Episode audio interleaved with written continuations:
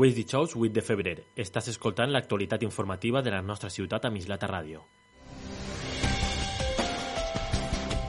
Comencem amb la predicció meteorològica per avui.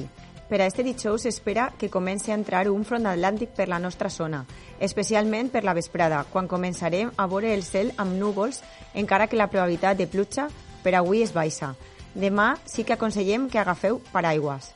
Temperatures mínimes sense canvis importants que arribaran als 12 graus, màximes en ascens que arribaran als 24. Esta és una informació de l'Agència Espanyola de Meteorologia. Mislata aprova un pressupost de 39,5 milions d'euros per a 2024.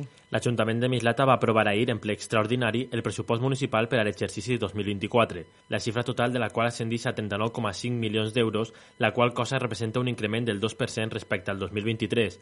El pressupost municipal ha sigut aprovat per l'equip de govern, la qual cosa suposa el 70% de la representació institucional del ple.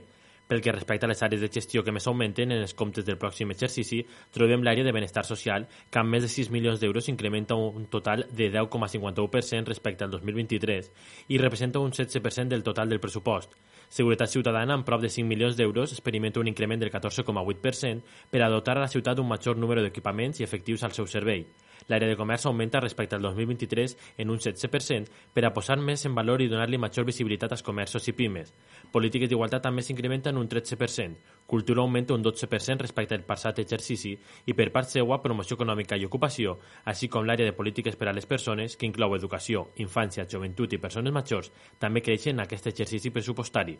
Gràcies a l'eficiència econòmica dels últims anys, Mislata ha aconseguit reduir notablement el deute financer respecte del nivell del 2011, passant de 40 milions a poc més de 6 milions d'euros, la qual cosa suposa una reducció del 84% del deute públic total, i el que permet al consistori poder continuar realitzant noves inversions per a millorar Mislata, assolint en el pròxim exercici els 2,2 milions d'euros. Recordem la nova ubicació dels serveis municipals de l'Ajuntament de Mislata. L'Ajuntament de Mislata implementa la distribució dels serveis que estaven situats en edifici consistorial a causa de les obres de rehabilitació que s'estan duent a terme. Els serveis s'han reubicat en dos edificis públics principals per a garantir que les gestions municipals continuen sense problemes, el Centre Jove del Mercat i el Centre Sociocultural La Fàbrica. L'Oficina d'Atenció a la Ciutadania, que prestava els seus serveis en edifici de l'Ajuntament de Mislata, s'ha traslladat al Centre Jove del Mercat ubicat al carrer Major número 36. També podem trobar a aquest centre altres serveis com urbanisme, indústria, oficina tècnica, gestió tributària, tresoreria, recaptació executiva i intervenció. En el Centre Sociocultural La Fàbrica podem trobar alcaldia i secretaria, projectes europeus, recursos humans, mitjans de comunicació, sanitat i mercat o contractació. L'horari d'atenció al ciutadà és de dilluns a divendres de 8 a 2 del migdia. Esta reubicació temporal del servei de l'Ajuntament garanteix que la ciutadania de Mislata continue tenint accés a tots els serveis municipals necessaris durant el període d'obres. I ara fem un millor repàs per l'agenda de la nostra ciutat. Inauguració de l'exposició Frejo i Nin, el Centre Cultural Carmen Alborch acollirà l'exposició Frejo i Nin, Mislata i la memòria de la historieta valenciana des de 8 dijous 8 de febrer fins el 26 d'abril. Emilio i Celedonio Frejo Abegón van ser dos germans nascuts a Mislata pertanyents a una generació de dibuixants i autors d'historietes que van crear còmics durant els anys de postguerra. Una bona oportunitat per a disfrutar de la història del còmic valencià. L'exposició s'inaugurarà esta vesprada a les 7 i estarà oberta de dilluns a divendres de 4 a 9 de la vesprada. Nova cita teatral dins del cicle Temps de Teatre. Demà divendres 9 de febrer, el Teatre del Centre Cultural acollirà una nova cita amb el teatre de la mà de la companyia Livianas Provincianas, amb l'obra És mi hombre. És mi hombre és un espectacle de cabaret, humor, varietat, erotisme, interacció amb el públic, on a través dels couplets les dos intèrprets, acompanyades d'un pianista, qüestionen els rols de gènere, el concepte de l'amor romàntic i el paper de la dona de la nostra societat des de principis del segle XX fins a l'actualitat. Tots els espectacles es realitzaran cada divendres a les 8 de la vesprada. Les entrades són gratuïtes a invitació i les pots trobar en la web mislata.es, el dilluns previ a l'obra. I fins així l'actualitat informativa de Mislata Ràdio. Us esperem a les següents edicions del butlletí informatiu de les hores en punt i a mislataradio.com. A més, podeu seguir connectats a tota la informació online i seguir-nos a les nostres xarxes socials, a X i Facebook. Que tingueu molt bona jornada.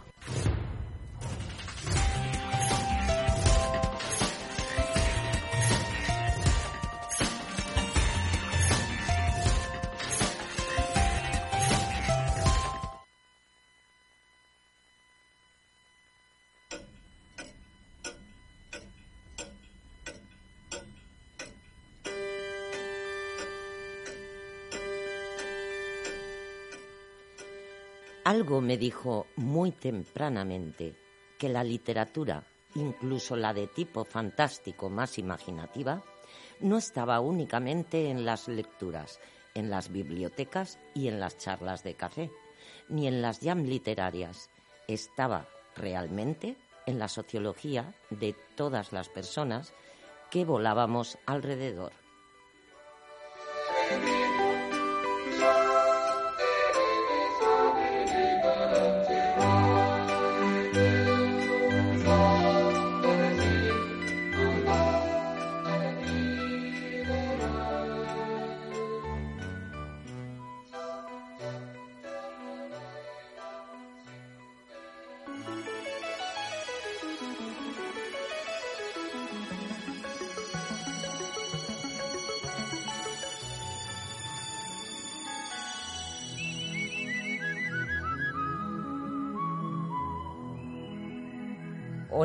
Hola, buenas tardes. Estamos en la radio en colectivo, otro jueves más con vosotros, Malín Simón. Hola, buenas tardes. Samuel al sonido, nuestro nuevo técnico de sonido.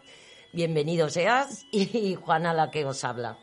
Y, y bueno, pues hoy vamos a tratar de las actividades literarias, de esos mundos literarios que generan otros mundos y pequeñas familias alrededor de clubes de lectura, jam literarias, eh, conferencias, congresos, premios literarios, todo ello genera talleres, talleres literarios, que es lo que más hemos hecho hincapié.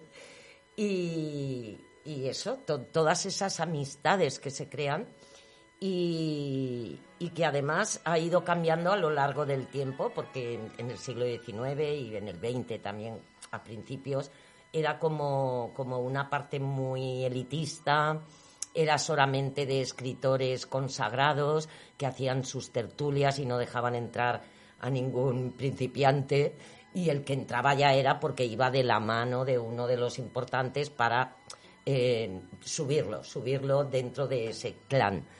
Eh, ahora, mm, afortunadamente, en el siglo XXI, eh, todo el que quiere escribir escribe y todos los que se quieren reunir se reúnen y eso pues eh, ha generado otra otra sociedad alrededor de la sociedad literaria. Y, ah, y, la, la entradilla, se me olvidaba, la entradilla. La entradilla que habéis escuchado pertenece a las clases de literatura en Berkeley en 1980, todavía en aquella época, que impartió Julio Cortázar. Eh, digamos que han trasladado a, un libro todas esas conferencias, que sería como una narrativa oral, y que él pues hablaba a sus alumnos de, de todas sus técnicas literarias, de cómo formaba los cuentos, de quiénes son los cronopios. Y las famas. y las famas que nos encantan. Y, bueno, pues eh, recomendable total para, para, los que escribáis y para los que leáis y, para todo el mundo, porque la verdad es que es chulísimo. Y, bueno, vamos a ver qué nos ha traído Malín. Bueno, pues yo casi todo lo que he traído está, si no se me va, mm, bueno, la cabeza un poco, está relacionado con talleres literarios, ¿no? Eh, o escuelas de escritura entonces, eh, bueno, los talleres, como, ha comentado Juana, eh, mm, este crecimiento ¿no? que ha habido alrededor del hecho literario eh, ha posibilitado que muchos escritores también den, talleres literarios. O sea que, como tú has dicho, que con un, un papel y un boli o un lápiz, pues ya tenemos el material para, para escribir, ¿no? Y eh, estos talleres y estas escuelas, pues en principio lo que hacen es facilitar, ¿no? El impulsar a la gente, a las personas que tienen esta motivación. Hay también parte de escritores que son detractores, ¿no? de, los talleres literarios. Sí. Y hay que, pues, personas muy favorables. Desde luego está claro que para escribir lo que hay que hacer es escribir, fuera de talleres o no. Pero eh, el, todo este tipo de, impulsos y aficiones de la gente, pues es una manera igual de que sirva de trampolín para lanzarse a algo que realmente les interese y si no, pues a la lectura, que con la lectura pues se aprende de todo y se viven muchas vidas. Y bueno, ya sin más voy a decir lo que he traído. En primer lugar he traído Escuela de Escritura de Mercedes Abad, que fue publicado en Tusquets en el 2023. Y ahí cuenta la historia en primera persona, la que es la profesora del taller, eh, la historia de un grupo de alumnos, novelistas, aspirantes a novelistas, ¿no?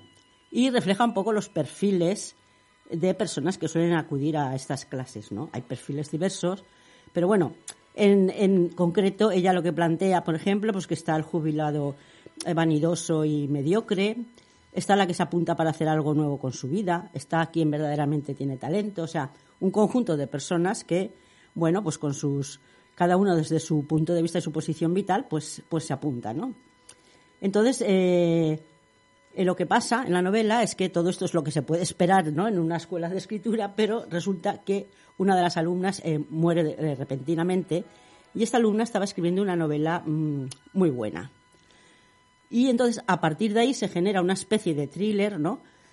A partir de la muerte de esta alumna y de que la, profesora, que es una escritora ha tenido mucho éxito con el primer libro, un éxito inesperado, luego se ha ralentizado ese éxito y, bueno, y está viviendo de la escuela de escritura, pues piensa en un momento determinado acabar esa novela de esa alumna. Y a partir de ahí, o sea, se genera todo un misterio, eh, se habla de, bueno, de la posibilidad de los plagios.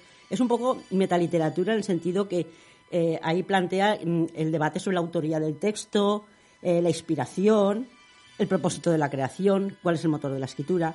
O sea, que también plantea muchas cuestiones alrededor de lo que es el proceso de, escribir mediante pues este, este misterio ¿no? que ha pasado con, con la alumna que ha muerto y su novela y su novela, qué pasa con su novela posteriormente y cómo se implica eso a todos los participantes eh, compañeros de la Escuela de Escritura.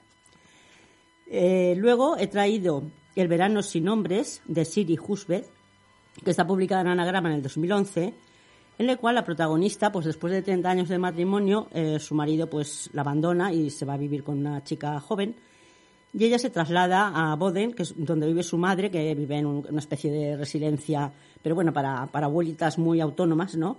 Y ella se instala cerca y poco tiempo después empieza a impartir un taller de poesía a un grupo de adolescentes.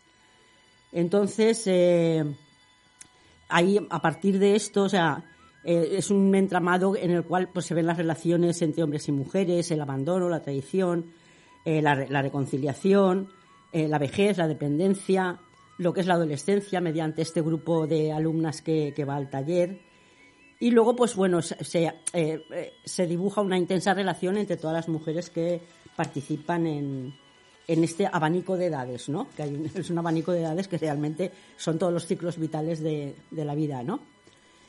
luego he traído la novela Luminosa de Mario Lebrero, que fue publicada en, Penguin Random 2018. Esta novela fue publicada eh, es póstuma.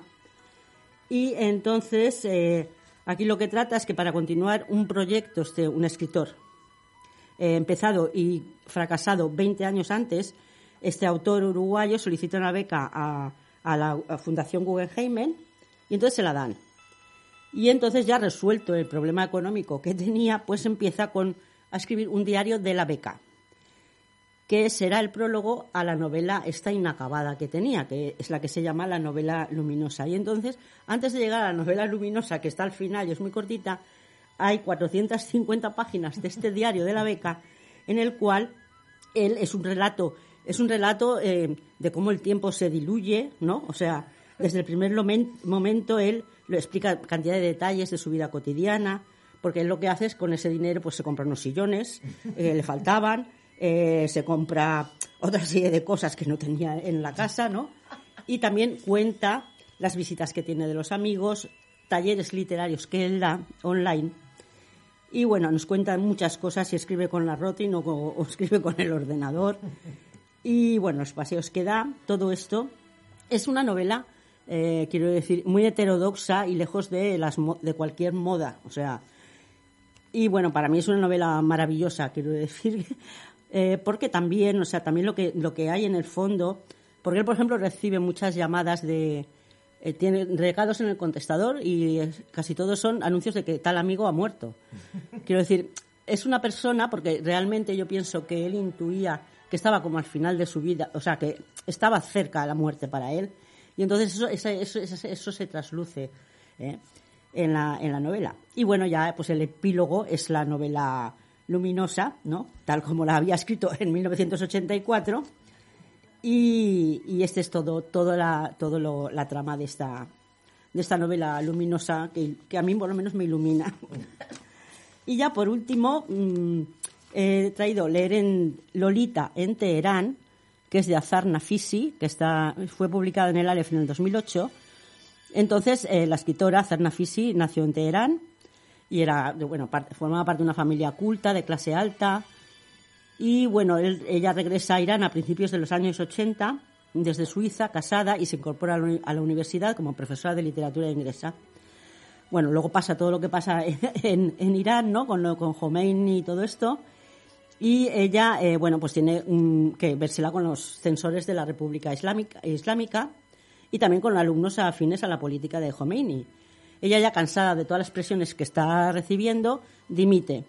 Pero entonces no le admiten la dimisión porque han de ser ellos las, las que lo hagan dimitir, la que la hagan dimitir, ¿no?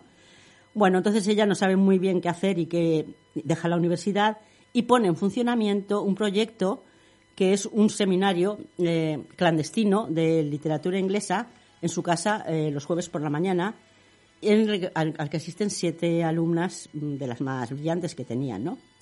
Y bueno, los autores que tratan serán eh, Vladimir Nabokov, Scott Fitzgerald, Henry James, Jane Austen, o sea, autores que estaban prohibidos y censurados, o que estarán, me imagino, todavía en Irán. Y esto es lo que tratan de todos estos temas eh, en, este, en este Loer, Lolita en Teherán. Y bueno, pues esto es lo que he traído por hoy. A ver, Juana, ¿qué nos has traído? Pues bueno, yo os he traído en primer lugar el Club de Lectura Jane Austen de Karen Joy Fowler. Fue publicado por el Aleph en 2005 y cuenta la historia de seis personas, cinco mujeres y un hombre, que se reúnen una vez al mes para discutir sobre las novelas de Jane Austen. Es eh, gente corriente, no son infelices, pero tampoco felices. Y bueno, pues cada uno de ellos arrastra una herida interior, como todos, y tienen un desorden considerable en sus vidas sentimentales y familiares. Eh, a lo largo de los seis meses que, dura este proyecto, intentarán, mediante la obra de Austin, entender e interpretar su historia personal, la de la autora y la de ellos poco a poco cada uno creará su propia Jane Austen y harán suyas alguna de sus novelas y personajes. Para formar el club, eh, la, que, lo decide, pues reúne a estos seis personajes que se juntan una vez al mes en la casa de uno de ellos para hablar, para hablar sobre cada uno de los seis libros principales de Jane mientras lo divino y lo humano pues se van interponiendo en el camino. Porque eso es lo que realmente hace la autora. Usa de excusa el gancho de Jane Austen para contarnos las otras historias de estos personajes. Eh, cada cual, como he comentado, tiene su Austin particular y, bueno, pues una es una criadora de perros, la otra la acaba de dejar el marido por una mujer más joven, la otra es, hay una madre y una hija, y la hija pues se burla un poco de todo eso, pero al final no para de ir. Y bueno, pues así se van contando, contando todas las historias. Entonces, em, lo que, lo que hace la autora es titular cada capítulo con el nombre del mes en que se reúne el club. El libro de Jane que leen en casa de quien se reúnen y dedicar el capítulo a ese miembro del club haciendo guiños en la historia de ese personaje con respecto al libro de que se, de que se habla ese mes. Y bueno, al final del libro, que es muy interesante, se incluye un resumen de las seis obras de Jane Austen que aparecen en la novela y comentarios de gente distinta sobre la autora y sus novelas. Como curiosidad, que sabéis que a mí me encanta traeros siempre alguna curiosidad, pues se recogen los comentarios que Jane Austen les pedía a sus familiares y amigos sobre sus manuscritos antes de llevarlos a la editorial además de frases de admiración y de desagrado también hacia la autora de grandes figuras de la literatura. Entonces destacan las citas de Kipling, de mm, C.S. Lewis, de Walter Scott, Henry James eh, y la de Mark Twain, que era un detractor total de Jane Austen, que llega a decir sobre ella, cada vez que leo Orgullo y Prejuicio, me gustaría desenterrarla y darle un golpe en el cráneo con su propia tibia estas páginas no las puedo soportar. Bueno, pues ahí tenéis eh, la anécdota. Y por último, el libro entero es una guía de lectura, no solo de la obra de Austin, sino también de otras grandes autoras como Úrsula K. eh, Connie Willis, y, bueno, pues así va, va hablando de muchas autoras. Luego, en segundo lugar, os he traído Martín Baumann, de David Levitt, que fue publicada en Anagrama en 2001. Y bueno, pues em, esta está situada en los años 80. Mira que los años 80 nos han dado, nos han dado de todo, muchísimas cosas y esto es, esta es una de ellas. Es donde se generaron todo este tipo de clubs y se abrieron a la, a la gente corriente. Y bueno, pues eh, esta está en los Está situada en los albores de la, de la era Reagan y Martin Baumann es un joven de 19 años, inteligente, ambicioso, inseguro, que se matricula en una universidad prestigiosa y obtiene una difícil plaza en el seminario que imparte eh, un personaje legendario y enigmático que es Stanley Flint, que es un hombre que puede hacer o deshacer carreras de escritores con apenas un chasquido de los dedos. Em, Martín está en el umbral de, su vida literaria y tiene un doble deseo de publicar y, por otro lado, atreverse a salir del armario. Eh, a lo largo de todo ese tiempo, pues em, Martín va madurando y se va haciendo un alumno brillante y va contando todas sus aventuras con otros hombres y cómo va cómo va subiendo en el terreno literario y cómo se va haciendo con otros hombres que también eh, practican la homosexualidad. Eh, el profesor es, em, digamos un tirano y que además se aprovecha de los secretos de sus alumnos y de sus escritos. Entonces, bueno, está súper interesante. Y luego, en tercer lugar, os he traído Ópera Magna de Vicente Marco, eh, que además es valenciano, es compañero nuestro, mm, pertenece a esta generación Bibliocafé. A talleres literarios. A talleres, él hace talleres literarios, en fin, que a este lo conocemos. y bueno, pues esta, esta novela fantástica que además ganó, ganó el premio el, el premio Jaén de novela Caja Granada como obra social. Y bueno, pues trata de eh, un escritor que se llama Mando Benavides y su esposa que viajan desde Valencia hasta un pueblo de Segovia para recoger el premio literario que acaba de ganar. En la ceremonia de entrega, pues eh, este repara en un chiquito que se llama Diego Leonarte, que al que galardonan con el Accessit y él se queda por detrás. Entonces, a partir de ahí, este extraño personaje, el Diego Leonarte, pues se quiere hacer amigo de ellos y va todo el rato persiguiéndolos, persiguiéndolos en plan de, eh, oye, ¿os importa que me vaya a cenar con vosotros? ¿Os quedáis solos? Bueno, pues me quedo. Nos tomamos una copa.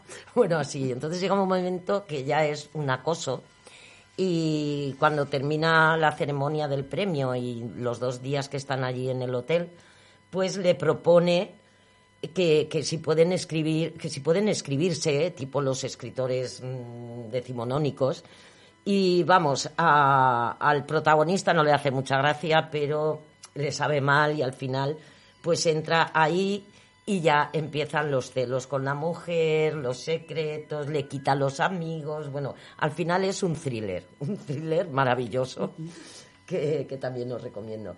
Y luego, pues en cuarto lugar, que nunca nos da tiempo, pero para que tengáis uno más, por si queréis buscarlo por ahí, os he traído El abrigo de Proust de Lorenza Foscini. Y bueno, este es una crónica de una obsesión literaria eh, con una intriga bibliófila que desvela uno de, los misterios más extraños de la reciente historia de la literatura, porque es real, es un caso real.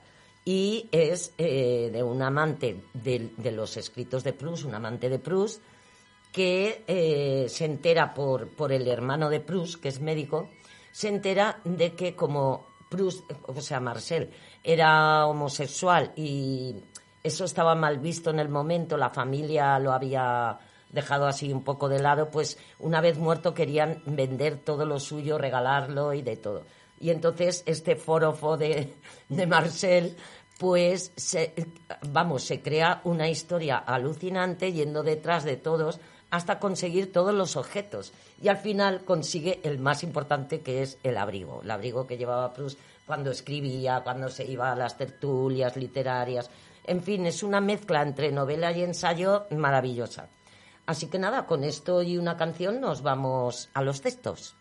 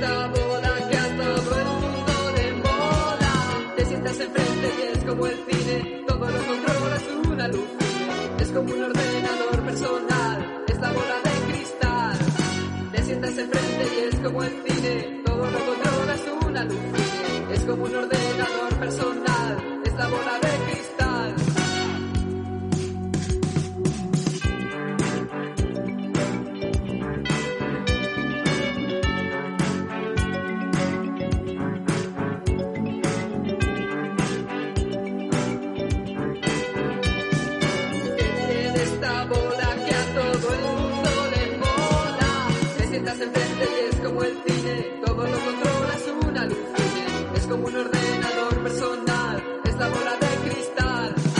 Te sientas enfrente y es como el cine, todo lo controla es un alucine, es como un ordenador personal, es la bola de cristal, es la bola de cristal, es la bola de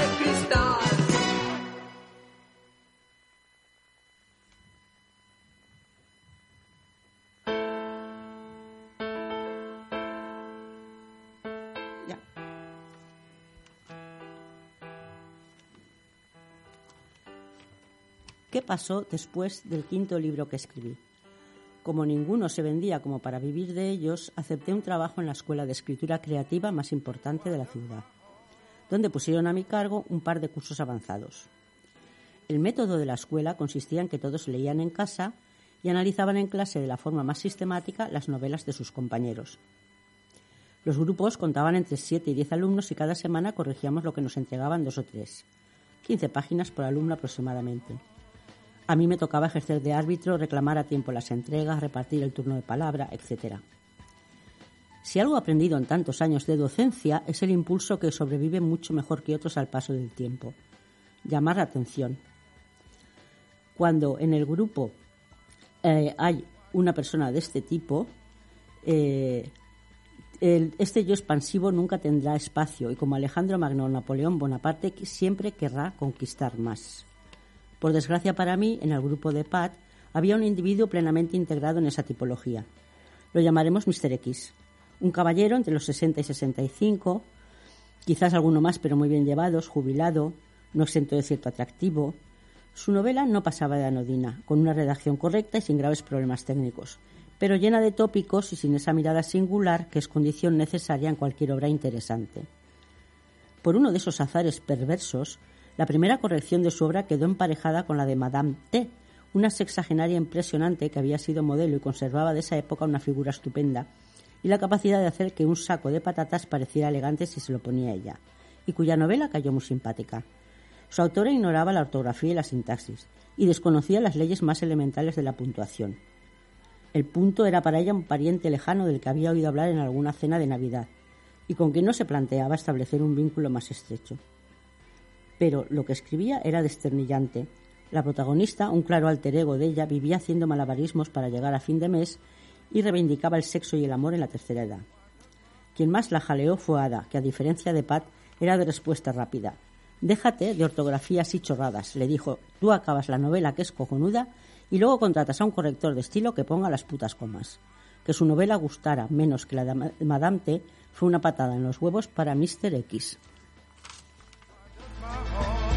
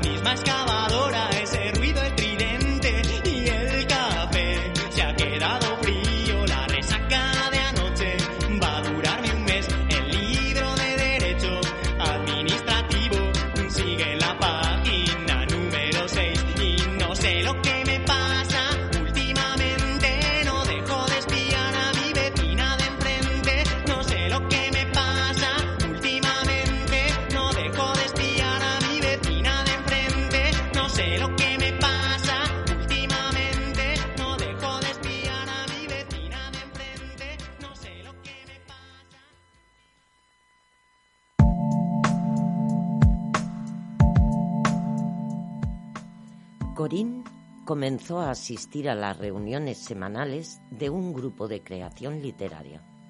Esperaba que le sirviera para fijarse un plazo, para obligarse a escribir.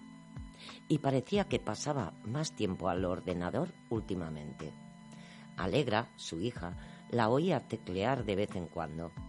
El humor le había mejorado y hablaba mucho durante la comida sobre el punto de vista, el ritmo y la estructura profunda todo muy abstracto. Las reuniones se celebraban en un local cuáquero y al principio el grupo se había planteado la cuestión de si debían hacer honor a los principios cuáqueros con el trabajo que realizaran allí, puesto que les habían cedido el uso de su espacio sin aceptar remuneración a cambio. ¿Era correcto aceptar el favor y después compartir un trabajo sobre temas violentos o perniciosos? Tras mucha discusión, decidieron que podría ser necesario que el trabajo fuera violento con el fin de defender la no violencia de modo efectivo. Eran escritores, ¿no? Ellos, más que nadie, tenían que oponerse a la censura, aunque se disfrazase de cualquier otra cosa. Los cuáqueros no esperarían menos de ellos. Los escritores del grupo cobraron importancia para Corín hasta el punto de que su hija empezó a preocuparse de no llegar a conocerlos nunca. Oía hablar de ellos, pero solo en versiones abreviadas. La crítica se basaba en la confianza, se esperaba confidencialidad, decía Corín.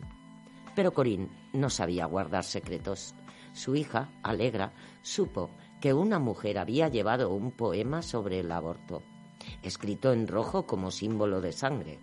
Un hombre estaba escribiendo una especie de farsa de cama a la francesa, solo que sin verdadero sentido del humor y con el texto lleno de flechas y tachaduras desordenadas, de modo que no era un placer leerlo. Sin embargo, todas las semanas sin falta presentaba un nuevo y farragoso capítulo de pollas y cuernos. Otra mujer estaba escribiendo una novela fantástica con una buena trama y una buena dosificación, pero todos los personajes tenían los ojos ambarinos, como esmeraldas, de amatista o de zafiro. Ningún argumento de los que le daban sus compañeros la convencía de que escribiera castaños o azules o que se ahorrase la referencia a los dichosos ojos. Una noche durante la cena, Corín dijo con naturalidad que iba a asistir a la lectura poética de Lynn que es del grupo de creación, y que leería unos poemas eróticos en Good Vibrations, la tienda de juguetes sexuales. Voy contigo, dijo su hija. Corín no esperaría que se quedara en casa mientras se celebraba una lectura en voz alta de poesía picante entre látigos y consoladores. No quiero que te burles de nadie, le dijo su madre. Puedes ser muy cruel cuando te parece que alguien no tiene buen gusto, no somos más que principiantes, todo el grupo. Si te oigo burlarte de Lynn, sabré que seguramente yo también soy ridícula. No puedo escribir si pienso que estoy haciendo el ridículo. No puedo escribir, y tú lo sabes.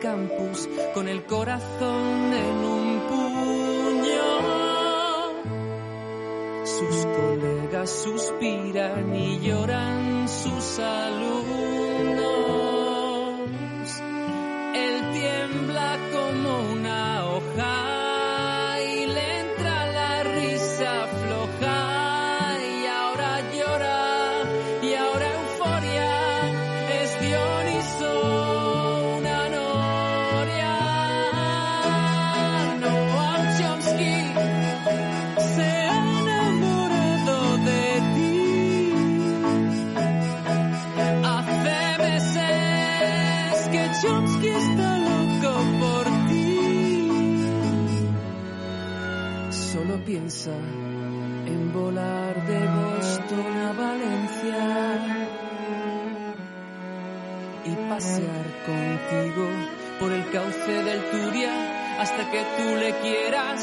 Él no tendría prisa y tendría paciencia. Él tendría paciencia.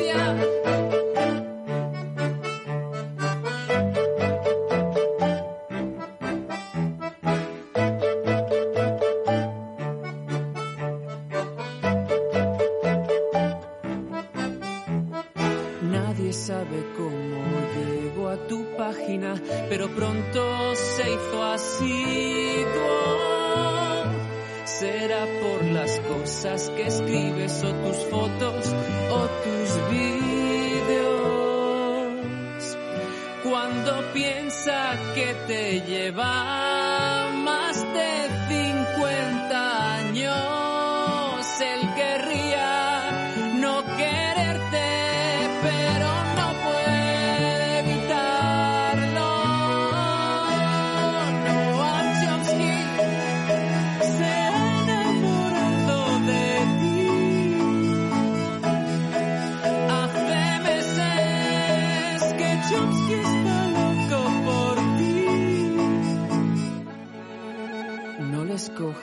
teléfono a los anarquistas. Ni se acuerda jamás del programa minimista. Y solo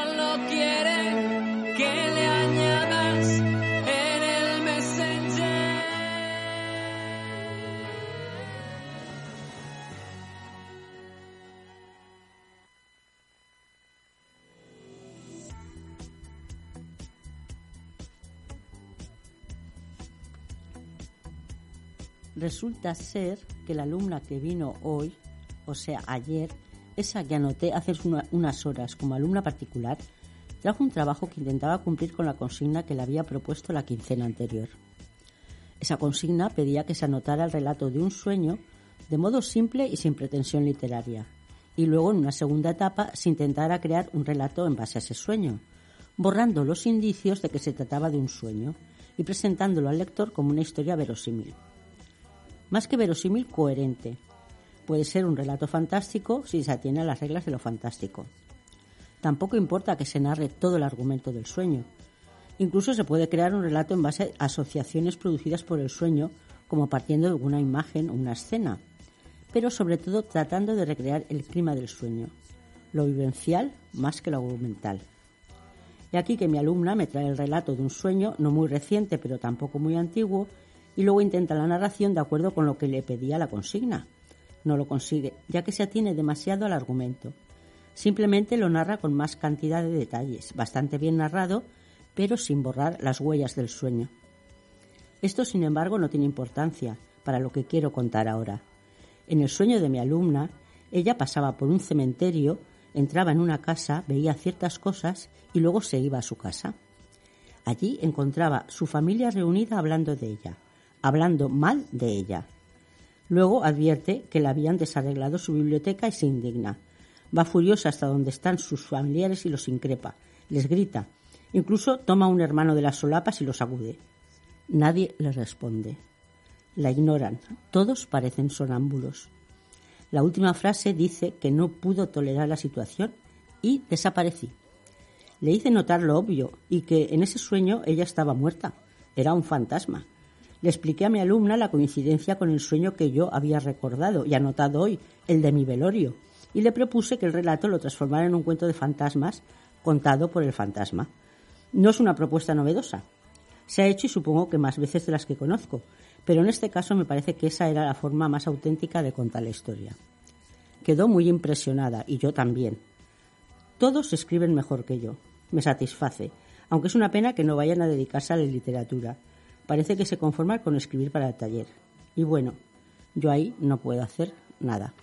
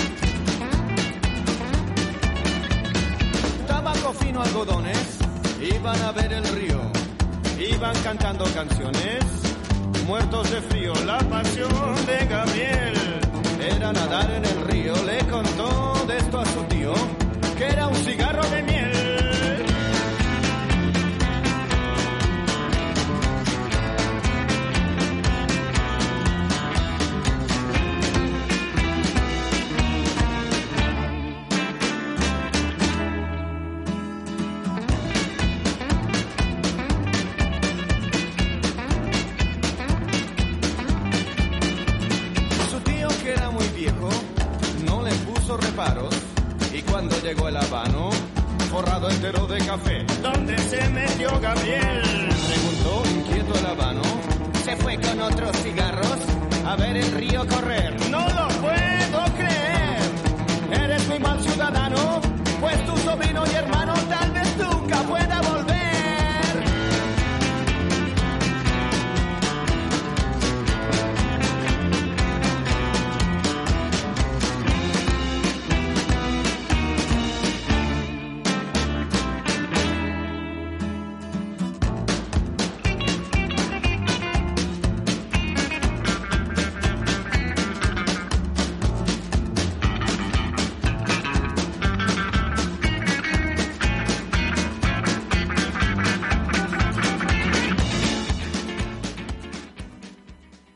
Conocí a Stanley Flint en el invierno de 1980, cuando yo tenía 19 años.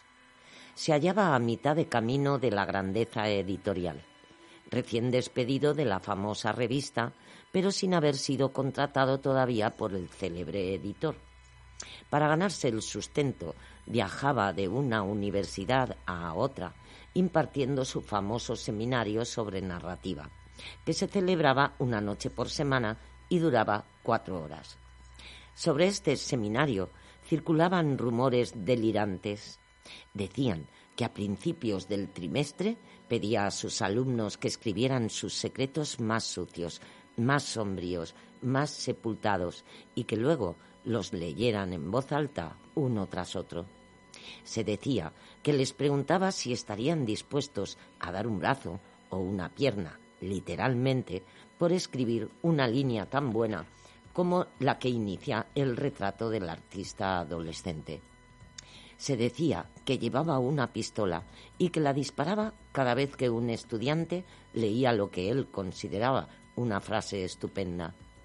El renombre de Flint databa de los tiempos en que había sido director literario de la revista Broadway, aunque su notoriedad era de una clase extrañamente secundaria, fruto de haber publicado, cuando ocupaba aquel puesto, los primeros cuentos de algunos escritores que se habían convertido en grandes nombres, tan grandes, de hecho, que su aureola brillante relucía hacia atrás, por así decirlo, iluminando la cara de Flint, el descubridor, Flint, el vidente, que había tenido la sagacidad no sólo de reconocer el genio en su estadio más crudo, sino de extraerlo del montón, de nutrirlo y refinarlo.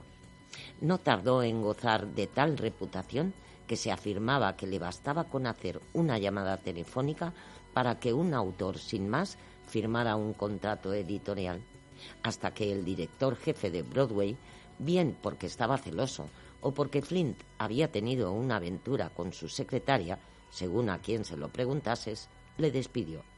Le despidió y el despido levantó mucha polvareda mediática, pero no deparó ofertas de trabajo y Flynn optó por trabajar de profesor, labor en la cual cultivaba un, auro, un aura de autoridad mística.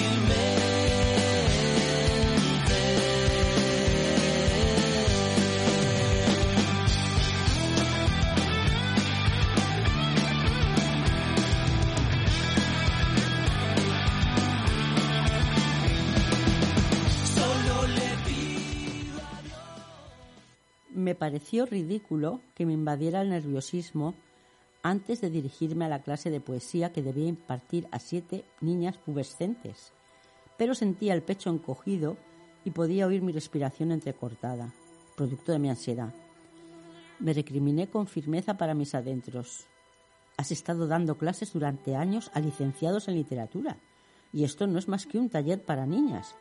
Además, sabes muy bien que ningún chico de Bondel que se precie se apuntaría a un taller de poesía, que aquí en provincias la poesía está asociada a la debilidad, a las muñecas o a las viudas.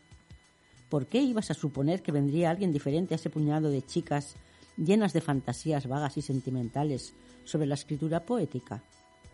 ¿Quién era yo, de todos modos? Tenía mi premio Doris y mi doctorado en literatura comparada y un puesto en la Universidad de Colombia, nimios restos de respetabilidad para demostrar que mi fracaso no era total. Cuando vi a mis alumnas sentadas alrededor de la mesa, empecé a sentirme más tranquila. No cabía duda de que eran unas crías. Les, sol- les solté mi discurso. No existen reglas, les dije. Tres días a la semana, de, de las seis que tenemos por delante, vamos a bailar. A bailar con las palabras. No hay nada prohibido, ningún pensamiento ni tema. Está permitido el absurdo, la estupidez y las tonterías de todo tipo. No importa la ortografía ni la gramática, por lo menos al principio. Vamos a leer algunos poemas, pero vuestros poemas no tienen que ser como los que leamos en clase. Ninguna de las siete abrió la boca. Quiere decir que podemos escribir sobre cualquier cosa, dijo de pronto Nicky, incluso sobre cosas desagradables. Si es eso lo que queréis, contesté. De hecho, podríamos usar la palabra desagradable como punto de partida. Tras explicarles brevemente en qué consistía la escritura automática, les pedí que escribieran algo en respuesta a la palabra desagradable. Lo primero que se les viniera a la mente durante los siguientes diez minutos. Caca, pis, moco y vómito brotaron de varios lápices en cuestión de segundos. Joan incluyó el follón de la regla, lo cual provocó risitas y grititos de asombro que me hicieron preguntarme cuántas de ellas habían cruzado el umbral.